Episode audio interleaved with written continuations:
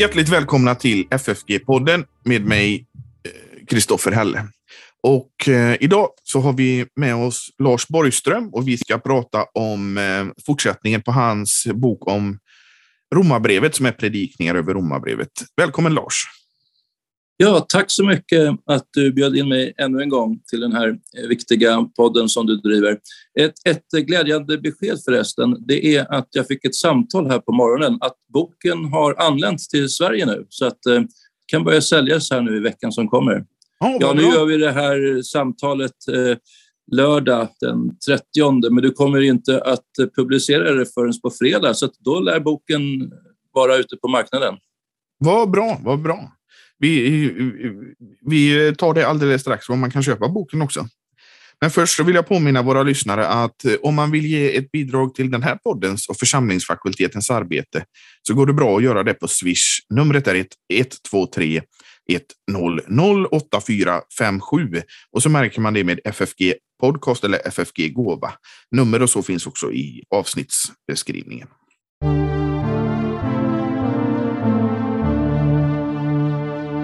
Ja, Lars, nu, så boken har kommit till Sverige? Ja, jag fick eh, besked att den har eh, levererats till någon postterminal här i Sverige. Så jag lär få den till Uppsala om några dagar. Och var, var kan man köpa boken om man vill göra det? Ja, eh, den, den ges ut på Biblikums förlag och eh, upplagan är 500. Och då har vi splittat det så att Biblikum kommer sälja 250 exemplar och, eh, och sen får jag eh, genom församlingen då och eh, andra kanaler, det är vissa bokhandlare som brukar sälja mina böcker. till exempel i Stockholm, Proklama vid Odenplan. Och din bok i Göteborg, jag har inte frågat dem om just den här boken, men de har ju sålt mina tidigare böcker.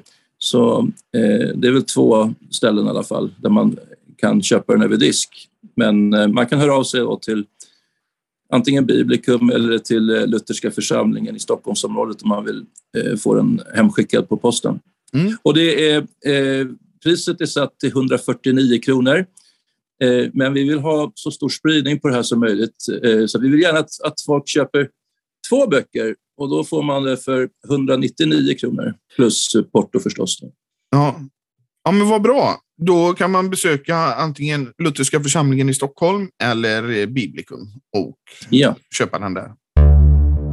Vi tänkte att vi skulle gå in lite på, förut så pratade vi lite övergripande, men nu, nu går vi in lite i, i boken tänkte vi. Det blir bra. Och ska vi börja med hur, hur det hela börjar med romabrevet? Vad är hans ärende, så att säga? Ja, eh, om, jag, om jag inte minns fel så kanske vi har pratat lite grann om det redan tidigare, förra avsnittet, mm.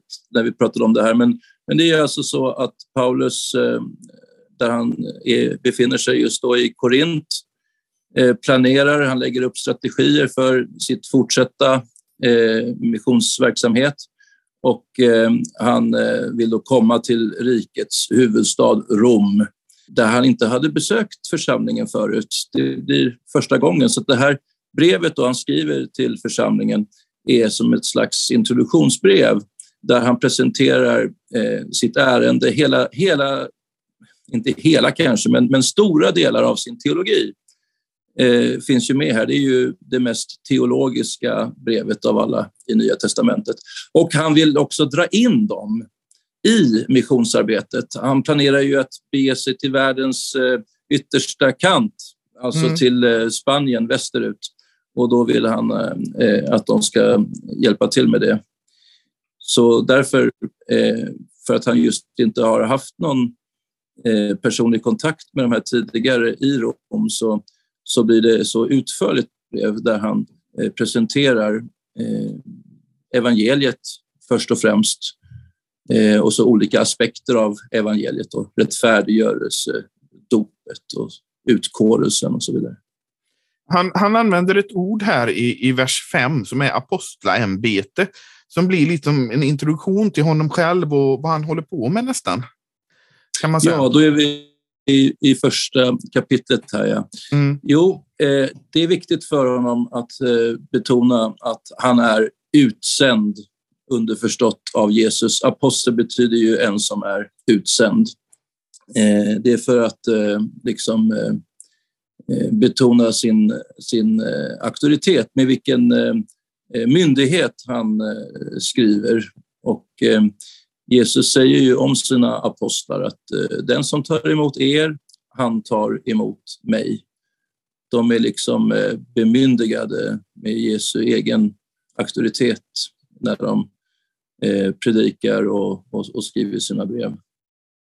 Han skriver ju att genom honom, alltså Jesus, har vi fått mm. nåd och apostlaämbete. Ja, Paulus var ju inte en av de eh, ursprungliga tolv apostlarna. Eh, men, eh, för han var ju en, en fiende till kristendomen vid den tiden. Och det står i Apostlagärningarna Stefanos, den första kristna martyren, stenades så tyckte Paulus att det var bra. Han stod, han stod och såg på när det skedde mm. och instämde. Men, men sen blev ju helt, allting helt annorlunda när han eh, i eh, sin eh, modlust eh, var på väg till Damaskus för att gripa de kristna där. Fick ett särskilt möte med Herren Jesus. Jesus uppenbarade sig där på Damaskusvägen.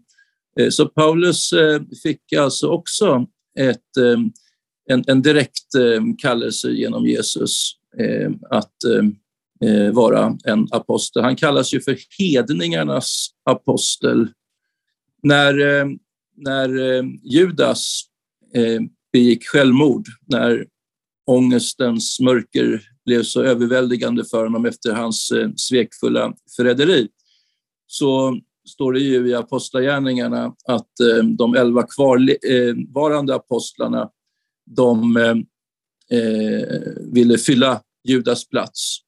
Eh, och då fanns det två stycken som uppfyllde kravet att ha varit vittne också till Jesu uppståndelse, för det var ett kriterium för att kunna bli, komma i fråga. Och så lottade de eh, mellan Mattias och Ananias, hette han om jag minns rätt, den andra. Och Mattias blir den, den eh, tolfte aposteln, då, ersättaren för Judas. Ja. Men eh, sen, det, om man läser noga där i aposteln så ser, ser, man inte att de hade fått någon gudomlig upp, uppenbarelse om detta eller ett bud från Herren på något sätt att göra detta en del argumenterar för, jag säger inte att det är riktigt eller så, jag bara framför det som en intressant eh, tanke, eh, att eh, Mattias egentligen var någon som lärjungarna på eget bevåg så att säga eh, insatte. Eh, men att Gud sen eh, plockar fram den verkliga tolfte aposteln, Paulus alltså. En sak som skulle kunna tala för detta är ju att Mattias är ju sen helt anonym. Man har inte talat om honom någonting. Att det var kanske inte han som var Guds val så att säga. Eh, men det är lite spekulativt där. Å andra sidan så hör man ju inte heller talas om Taddeus särskilt mycket eller Bartolomeus, de här mer anonyma lärjungarna. Hur det än är med den saken så Eh, så var ju Paulus en, en eh, apostel som Herren själv eh, på Damaskusvägen kallade. Han blev ju både omvänd och kallad till apostel samtidigt. Men jag har alltid tänkt det med Mattias och det här att han var en av de här trogna, kanske som här som man ser församlingsprästerna som man inte hörde så mycket om, men som mm. troget tjänade sin församling i, och ärade Gud och inte sig själv. Alltså jag tänkte att det, det kan ju vara något sånt också. Ja, det, absolut. Eh, jag tar inte ställning i den här frågan utan jag vill bara framkasta en, en, eh, en intressant tanke. Eh, men ja, Mattias, det kan mycket väl ha varit som du, som du säger. Ehm, men jag tänkte just det att, att det här apostlämbetet det kommer från Kristus.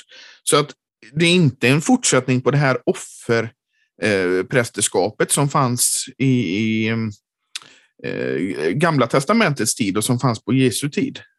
Nej, oh nej. Ehm, det är inte frågan om Herevs som en offerpräst eh, kallas. Utan eh, genom Kristi fullbordade verk eh, så behövs det inga fler offer.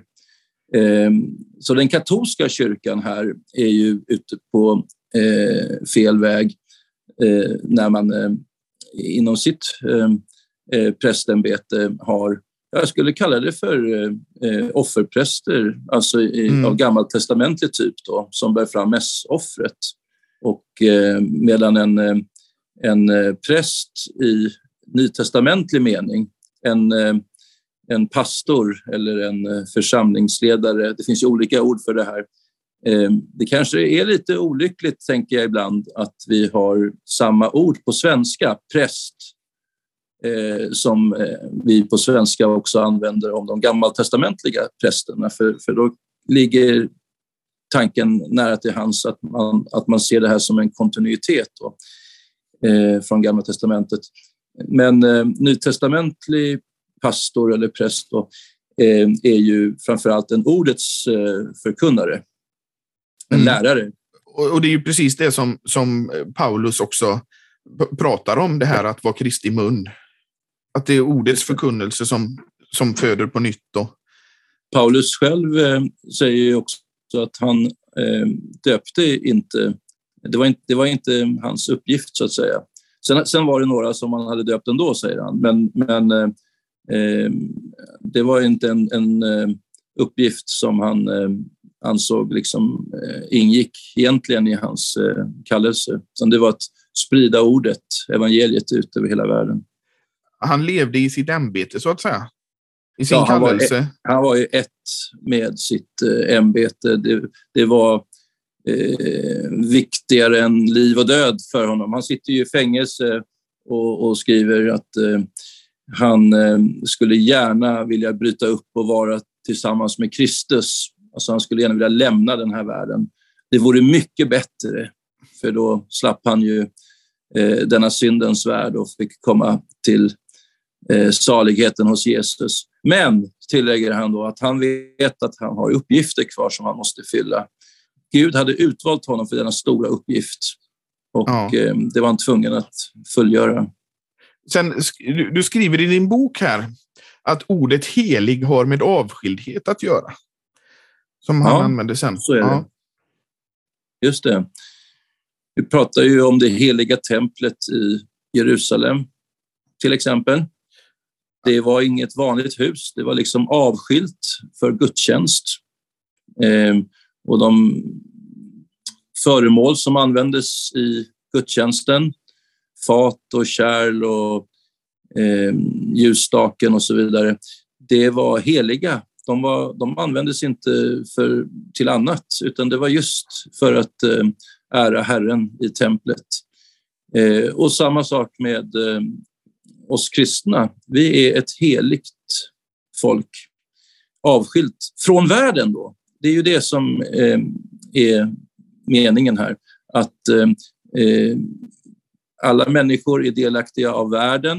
Den naturliga människan föds in i världen men Gud kallar oss ut ur världen, en eklesia, en, en församling eh, av heliga som blir då avskilda. Så det är en väldigt hög kallelse vi har att vara Guds avskilda folk. Så var det ju i Gamla testamentet att Israel var ett heligt utvalt släkte som skulle skilja sig från alla hedniska folkslag. De fick inte ta efter deras eh, syndfulla seder, deras avgudadyrkan och så vidare, utan de skulle vara som ett eh, prästfolk och vittna om Herren genom sitt avskilda, sitt annorlunda sätt att vara. Och, och det går igen också i Nya eh, testamentet. Jag tänker just på det här ordet helig som, som Paulus ofta använder och, och, mm. och eh, som har blivit missförstått också för att ordet helig i plural, alltså hagios på grekiska i plural blir mm. helgon. Mm. Ja, just det. Eh, det där har man ju helt missförstått då i den romersk-katolska kyrkan. Eh, där är inte alla kristna hagioi, utan eh, bara en elitklass så att säga, som särskilt har utmärkt sig i, i helgelse. Eh, de som inte ens behöver gå igenom skärselden när de dör, utan direkt eh, kommer till Eh, himlen. Och sen måste man ha dött också för att kunna bli utsedd, eller förklarad menar jag, bli förklarad helgon av påven. Då. Påven har ju monopol på att helgonförklara. Det var någon gång under högmedeltiden som påven eh, fick den exklusiva rätten så att säga att utse helgon. Tidigare så kunde lokala biskopar och så göra det också. Men eh, i eh, nytestamentlig mening så är ju alla kristna helgon för att de har blivit avskilda.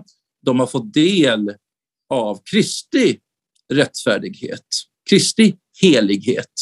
Mm. Du och jag, Kristoffer, vi är ju två helgon som sitter och, och samtalar med varandra här. Eh, så kan man uttrycka det. Och jag tänker att det är inte så att Paulus, eh, när han skriver till församlingarna och, och, och skriver att jag vill hälsa på helgonen i vilken stad det nu är, mm. det, de, det är ju faktiskt levande kötsliga personer han hälsar till. Ja, och det är alla eh, kristna eh, på den orten. De som delar Guds ord och sakramenten med varandra på ett korrekt sätt, helt enkelt. Ja, just så. Så, så det tycker jag är en, en, en, en viktig grej att, att eh, lyfta, lyfta fram. Ja, jo, verkligen. Ehm, och ehm, det, det är så mycket som hänger samman i den kristna tron. Blir det fel på en punkt i läran så, så, så påverkar det de andra läropunkterna också.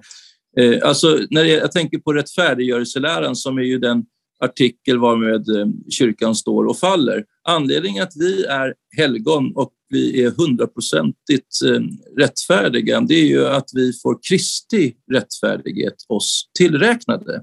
Mm. Och då kan det inte bli fråga om någon skärseld, utan eh, genom räknade rättfärdighet som vi ikläder oss. Genom dopet och tron så är ju vi iklädda Kristi rättfärdighet.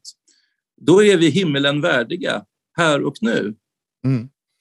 Men om, om man inte eh, bekänner detta eh, om den tillräknade rättfärdigheten, utan det måste till en egen rättfärdighet en, genom en successiv helgelse, ja, ja, då hamnar man i den romersk-katolska läran om skärselden. För att det är ju få människor, tänker de då, som har blivit så fullkomligt helgade att de kan lämna detta jordeliv och eh, genast eh, ingå i den himmelska härligheten.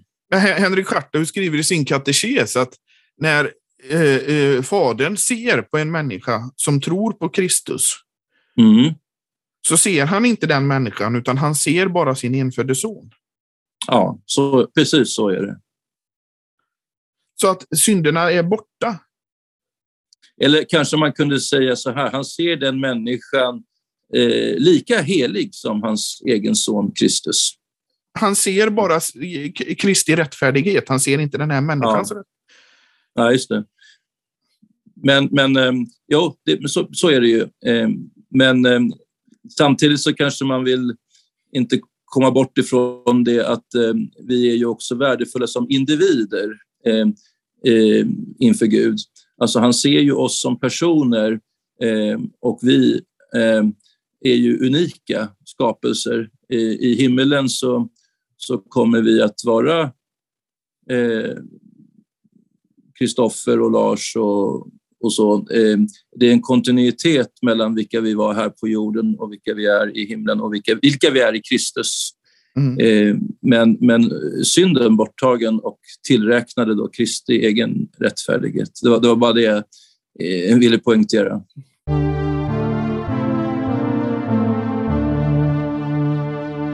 Ska vi gå vidare till kapitel 4 i Romarbrevet? Ja. För där börjar ju Paulus verkligen eh, liksom skriva om det här med rättfärdighet.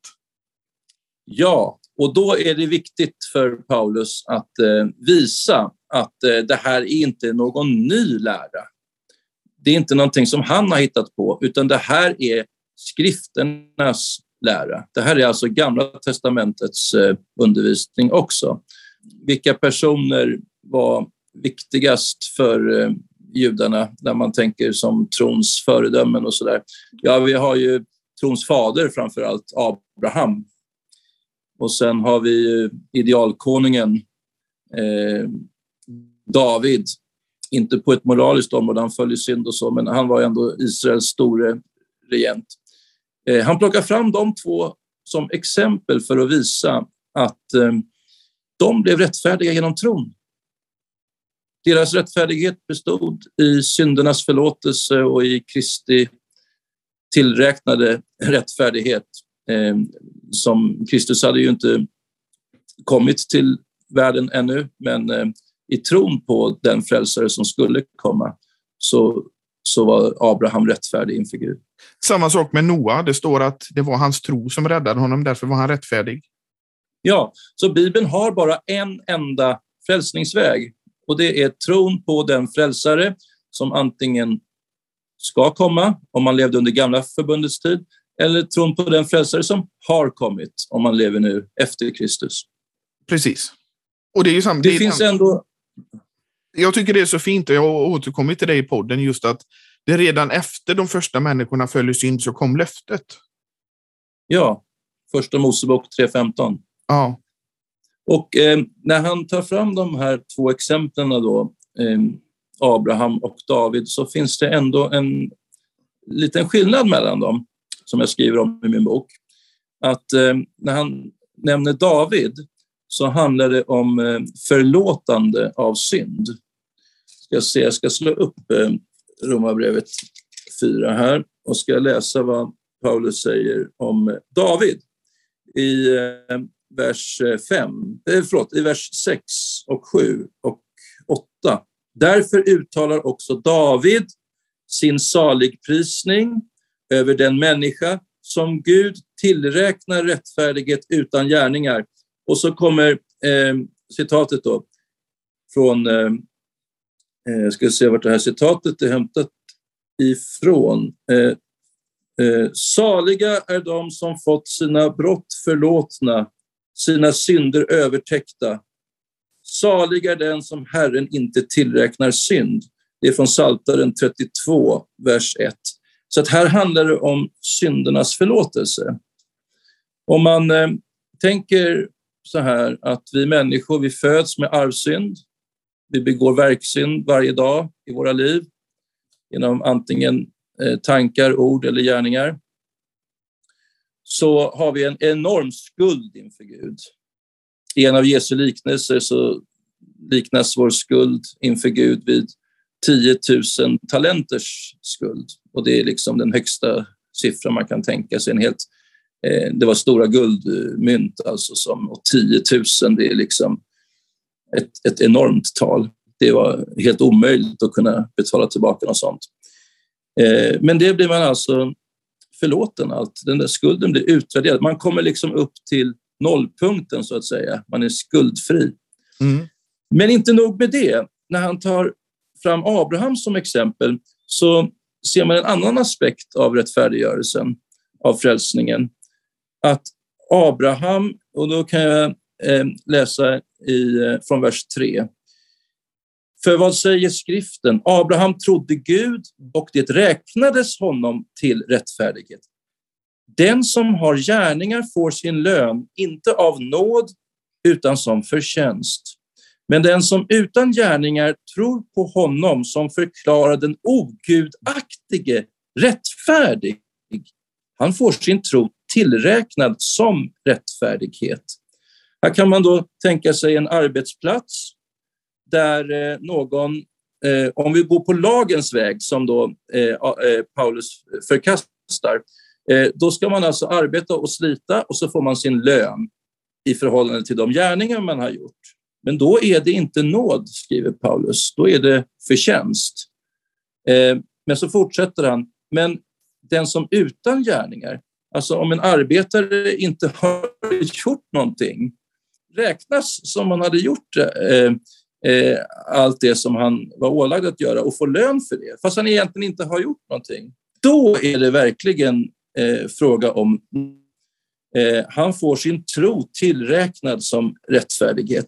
Så då hamnar man liksom på plussidan om vi fortsätter den här liknelsen med eh, pengarna.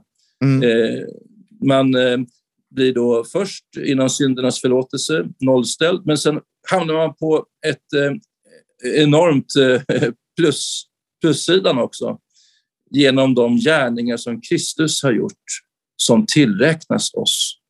Och det är ju fantastiskt. Vi är oändligt rika inför Gud.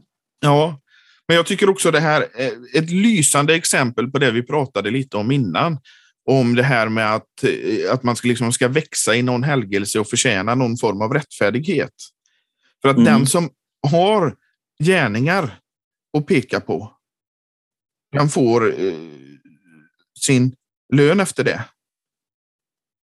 Ja, just det. Och det är ju all naturlig mänsklig religion. Jämför med, eh, med eh, islam, med, med eh, hinduism, buddhism, alla religioner i världen och även judendomen som ju är en eh, missförstådd biblisk tro, eh, så är det gärningarna som det hela hänger på till sist. Och att man har en, en fri vilja att göra vad man vill. Ja, just det. Det var ett intressant samtal du hade med Timo, eh, den boken som Hugo Odeberg har skrivit, eh, där eh, farisismen tänker att människan har en fri vilja och kan använda den till att sträva mot det goda och göra gott, så samlar man liksom en, en rättfärdighet inför Gud på det sättet. Mm. Men kristendomen är, är alltså... Det finns bara två religioner i världen och det ena är lagens religion och det är alla icke-kristna religioner samt eh, vissa eh, eh, vrångvarianter eh, av kristendomen. Och sen har vi den, den sanna kristendomen på den andra sidan som är evangeliets religion. Det är helt rätt faktiskt. Och det, det är ju det som jag, jag tycker är viktigt att poängtera att även om man säger att man inte har en gud så har man en gud. Ja, som som Luther säger i Stora katekesen om ja. förklaringen till första budet. Ja. ja. Eller nej, det är förklaringen till, till första trosartikeln. Ja. Att alla har en gud som man sätter sin, all sin lit till och vänder sig till i all sin nöd. Så att all, även de som säger att de inte har någon religion, de har en religion på något sätt för att de har någonting som har en Guds plats i, sin, i sitt liv. Mm. Och Luther skriver ju där också att det är mammon som är den allra vanligaste avguden i världen. Människor tänker att om jag bara hade mer pengar, då skulle alla mina problem lösas. Då skulle jag kunna känna mig trygg och, och vara lycklig. Att mamman ska, pengarna ska fixa allt. Ja, och då är det ju framförallt överflödet man längtar efter tror jag.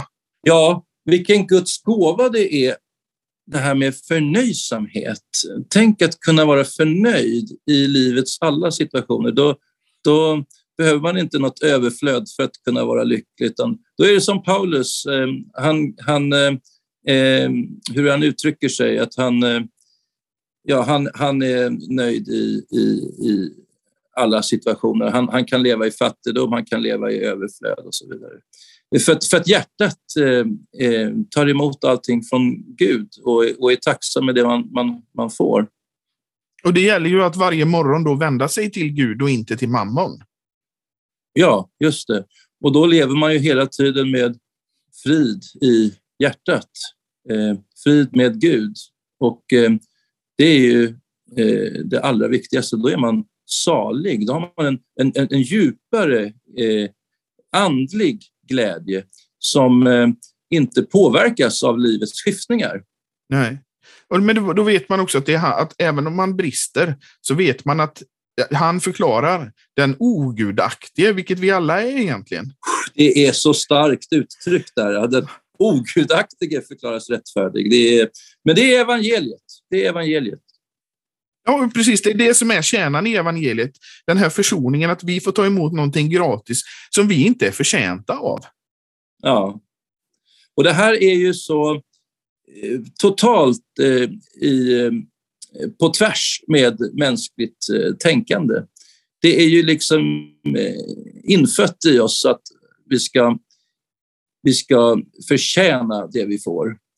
Eh, och det är därför som evangeliet är en, en dårskap. Eh, det, det är någonting som inte det mänskliga förnuftet eh, kan ta till sig. Eh, det måste den helige Ande vittna om i våra hjärtan och övertyga oss om. Evangeliet är så svårt så att biskopar och teologiprofessorer kan vara helt blinda för det. Men så samtidigt är det så enkelt så att minsta barn kan ta till sig. det. Ja, för när man, när man liksom lyssnar till en sån förkunnelse som stämmer överens med Bibeln, när man lyssnar till, eh, läser Bibeln och ber att Gud ska öppna ens ögon, som egentligen är öppna, mm. öppna ens hjärta, ja. så, så, så, får det ju en helt ny innebörd och det är det som Paulus menar med det, att korset är en dårskap för den som eh, söker det med sitt förnuft. Ja. Och det här gör ju att eh, alla människor eh, kan bli frälsta. Eh, den största syndaren, Paulus kallar ju sig själv för den största av alla syndare, eh, kan bli frälst eftersom det handlar om nåd eh, och inte gärningar. så det är, och det är den enda möjligheten till frälsning som vi har. Ja, och att veta att den här frälsningen, den beror heller inte på mig. Nej. Det ligger i Guds inte, hand. Det ligger i Guds hand. Jag kan inte göra någonting själv. För att om, om mm. jag brukar citera det här och det har jag också lärt mig. Vi nämnde Timolato innan. Att, och det han eh, brukar poängtera det att när han föreläste om, om viljan och, och det här att om man kan göra någonting själv så är man faktiskt mäktigare än Gud. Mm, just det. Um, jag tror Luther har uttryckt också på något liknande ja, sätt. Ja, det är Luther det är i ja, den ja. självbundna viljan. Just I sin. Mm. I, I, sin argumentation mot Erasmus, för att Erasmus vill att ja, du ska kunna göra någon, någonting ska du kunna göra själv, säger Erasmus. Säger Luther. Kan du göra mm. ens det minsta lilla själv så är du mm. mäktigare än Gud. Och det tycker jag är en sån eh, eh, otroligt eh, vad ska vi säga, befriande insikt på något vis. Ja, och vilken eh, eh, frälsningsvisshet det skänker. Att det ligger i Guds hand helt och hållet. Hans starka, allsmäktiga hand. Där är min frälsning placerad. Inte i min svaga eh, hand. Att det, ligger, det, kommer an på mina krafter. Ja, utan det, det, är liksom, det kommer helt eh, transcendent, alltså utifrån. Mm, just det, extra nos, utanför oss. Ja. Och då, då kan ju människan leva i en inre frid för att veta att jag får trösta på det här. Och det kanske leder oss in till det nästa vi hade. Det tredje och sista som han hade sagt om det här vore en, en eh, predikan. Ja, just det. Mm. Eh, och det är ju just det här när i Romarbrevets sjunde kapitel. Ja, ja eh, är det det om Paulus eh, eh, kamp då, eller den, ja. den, kamp som pågår inom Paulus mellan ande och kött. Va? Ja. Och det är också en sån här, det här att, ja men Paulus, han som skriver det här och har den här insikten och kan på ett vis lyfta upp folket. Han har också, han känner så, jag känner så. Säger han. Mm. Ja. Det goda jag vill göra, det gör jag inte. Det onda jag inte vill göra, det gör jag. Den kristne är egentligen två människor samtidigt. Och det, man är född på nytt. Man, man vill det goda. Det, det säger Paulus, att det goda jag vill, eh, det gör jag inte, men man vill ändå det goda. Eh, och det är eh, den nya på nyttfödda andliga människan. Eh, men det som bromsar upp det hela och, och som tyvärr också får oss att synda, Eh, det är eh, det gamla köttet. Eh, det här är ju en fråga som har diskuterats väldigt mycket inom, alltså i teologihistorien.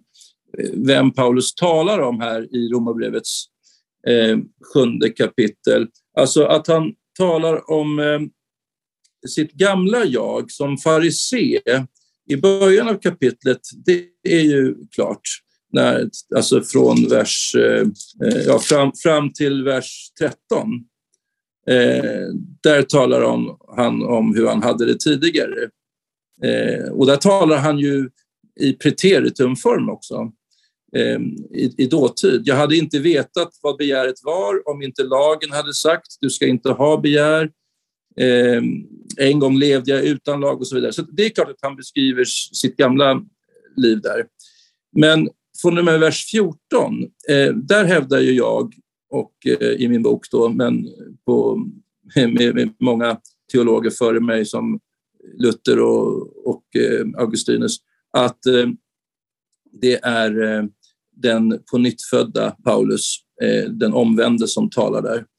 Och Luthers eh, huvudargument är just det där att det är först den på nytt födda människan som vill det som Gud vill. Eh, och eh, man kan också tillägga att han också går över till presens eh, formen där också, att han liksom talar om sitt nuvarande liv. Han, och du, du, nämner ju också det, precis det som du, Luthers citat där, att simul justus et peccator. Mm, det, nämner jag det i boken? Ja. Ja, det var bra att jag gjorde det. Jag kommer inte ihåg. Den kristna är helt och, hållet, he, helt och hållet rättfärdig i Kristus genom iklädandet av hans rättfärdighet, men samtidigt syndig i sig själv. Luther kallade detta för simul justus et peccator. På mm. samma gång rättfärdig och syndare. Just det. Och det är liksom det som Paulus eh, lyfter fram här. Ja, eh, på ett eh, väldigt klart sätt. Och eh, sen eh, på slutet av eh, kapitlet så blickar han framåt också mot den slutliga frälsningen. Mm. Eh, jag arma människa, vem ska rädda mig från denna dödens kropp? För att det är ju en kamp som eh, kan vara plågsam och, och Rosenius talar om syndens dagliga plåga som den kristne får leva med. Man vill ju bli befriad från detta och Paulus utropar vem ska rädda mig från denna dödens kropp? Men så kommer det då i vers 25. Gud vare tack genom Jesus Kristus, vår Herre. Eh, så det kommer också en, en framtid då vi inte bara eh, är eh, av med syndens förbannelse, utan till och med syndens inneboende är borta mm. då. Syndens förbannelse ser vi i nästa vers, om vi går in kapitel 8, vers 1. att den är borttagen ser vi där. Paulus skriver, så finns nu ingen fördömelse för dem som är i Kristus Jesus. Så har vi det här på jorden. Och det är underbart. Men det kommer bli ännu underbarare framöver. Men om, om vi nu går tillbaka lite så kallar ju Paulus lagen för andlig och god. Ja, just det. Eh, så är det. Eh, när Paulus talar om att lagen dödar och anklagar och så vidare, då skulle man ju kunna få för sig att eh, lagen vore ond, en, en fiende till oss. Men det vill absolut inte Paulus hävda, utan han slår ju fast att lagen är helig, eh, god och... Andlig. Jag kommer inte ihåg. Helig, rätt, andlig. Ja. ja. Eh, och eh, det är för att eh, lagen, det är ju ett uttryck för Guds Eh, karaktär. Sådan är Gud mm. och han vill att vi ska vara på detta sätt. Lagen är liksom ett utflöde av Guds moraliska väsen. Eh, och, eh, men eftersom vi är syndare så blir mötet med lagen för oss en katastrof. Men det beror inte på att lagen skulle vara ond eller defekt på något sätt, utan det är för att vi är eh, fördömelsevärda syndare.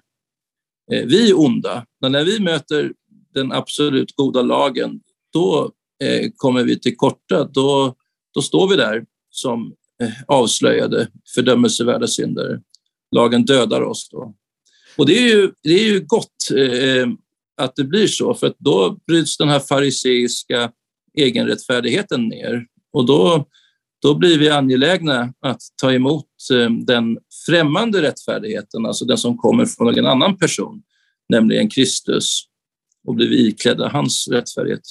För, för jag, jag, brukar poängtera när folk eh, eh, pratar om lagen att Gud har ju inte satt upp lagen för att vara taskiga mot oss, för att vara elaka mot oss. Nej, eh, man brukar ju tala om lagens tre bruk.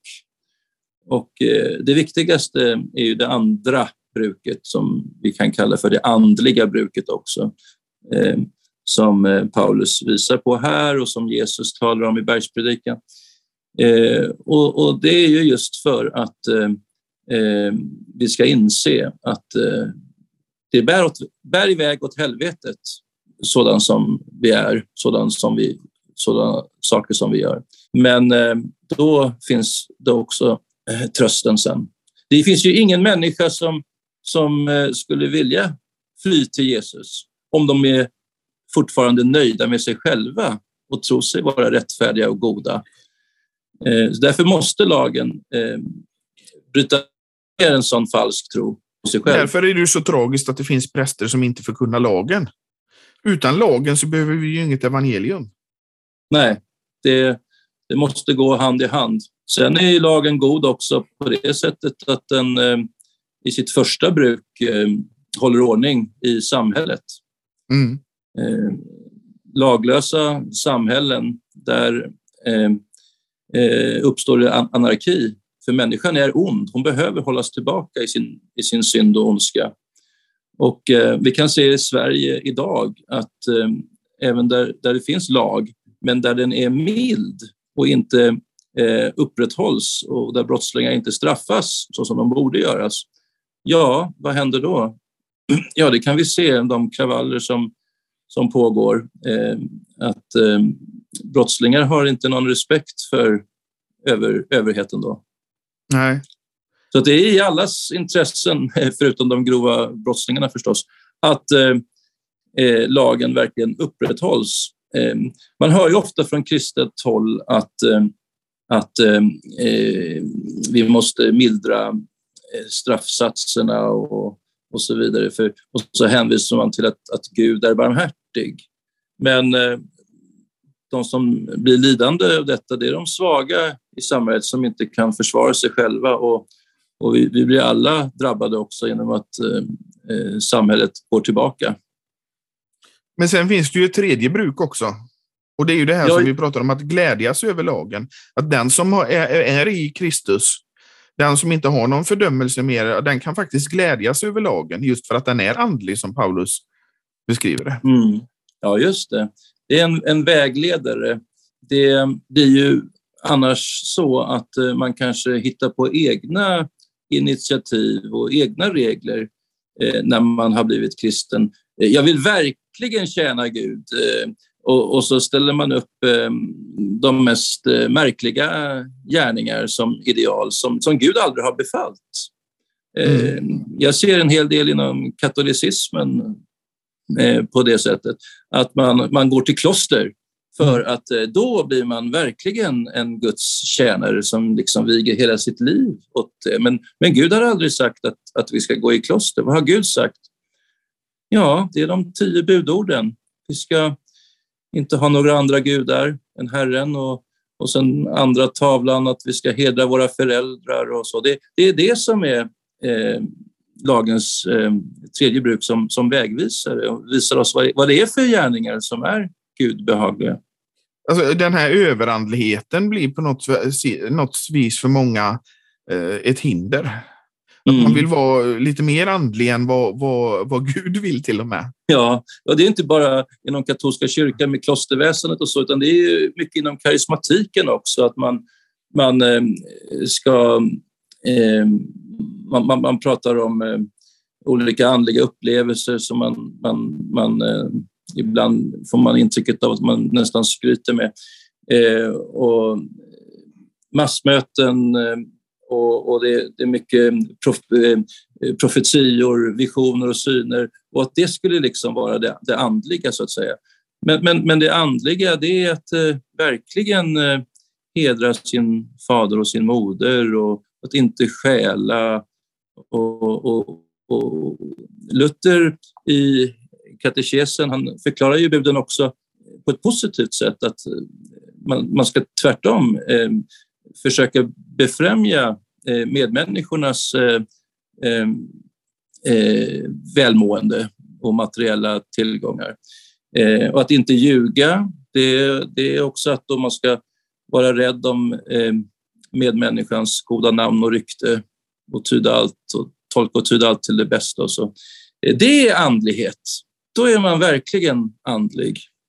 Och det, och det är ju lite det här med att man tjänar Gud med glädje, att man, en, som vi pratade om förnöjsamhet innan. Ja, ja. Istället för att om, man, vi pratar, om vi pratar om andliga upplevelser och så, så är det ju nästan lite kicksökande. Just det, och det är ingen, ingen eh, tillfällighet heller att eh, sådana som har varit med i sådana rörelser, en del av dem eh, blir utbrända helt enkelt. Eh, som urvridna eh, disktrasor alltså. Eh, och eh, ja, eh, och ibland så, ja, nej men eh, eh, det har du alldeles eh, rätt i. Men det, då, för då, det, det, det blir ju på no, ibland kanske också om man ska hålla på med det här att eh, hålla en fasad, så blir, blir det här med att det goda jag vill, det gör jag inte. Men det onda jag inte vill, det gör jag. Det, det, det blir ju en plåga då. Om man ska hålla en ja. fasad att man är helig och, och ja. Alltså att man ja.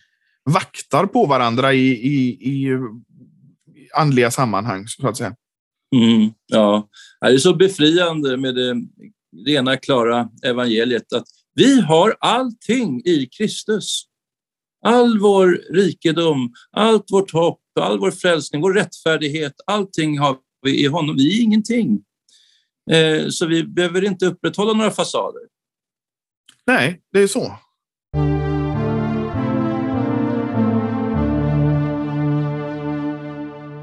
Det, det tycker jag var en bra avslutning på detta samtal, Lars. Ja, tack ska du ha. Tack Kristoffer för att um, vi fick ha det här samtalet. Ja, och vill man köpa din bok, då kan man vända sig till Lutherska församlingen i Stockholmsområdet eller ja. till eh, Biblikum. Eh, mm. och den kanske också kommer då finnas i utvalda bokhandlar. bokhandlare. Ja. ja kristna bokhandlar. Och är det så att man vill ge ett bidrag till församlingsfakultetens och poddens arbete, gör det gärna på Swish. Numret är 123 100 8457. Och så märker man det med FFG gåva eller FFG podcast nummer och så finns också i avsnittsbeskrivningen av detta avsnitt. Tack än en gång Lars för att du var med i podden. Tack. Och eh, vi hörs igen nästa vecka.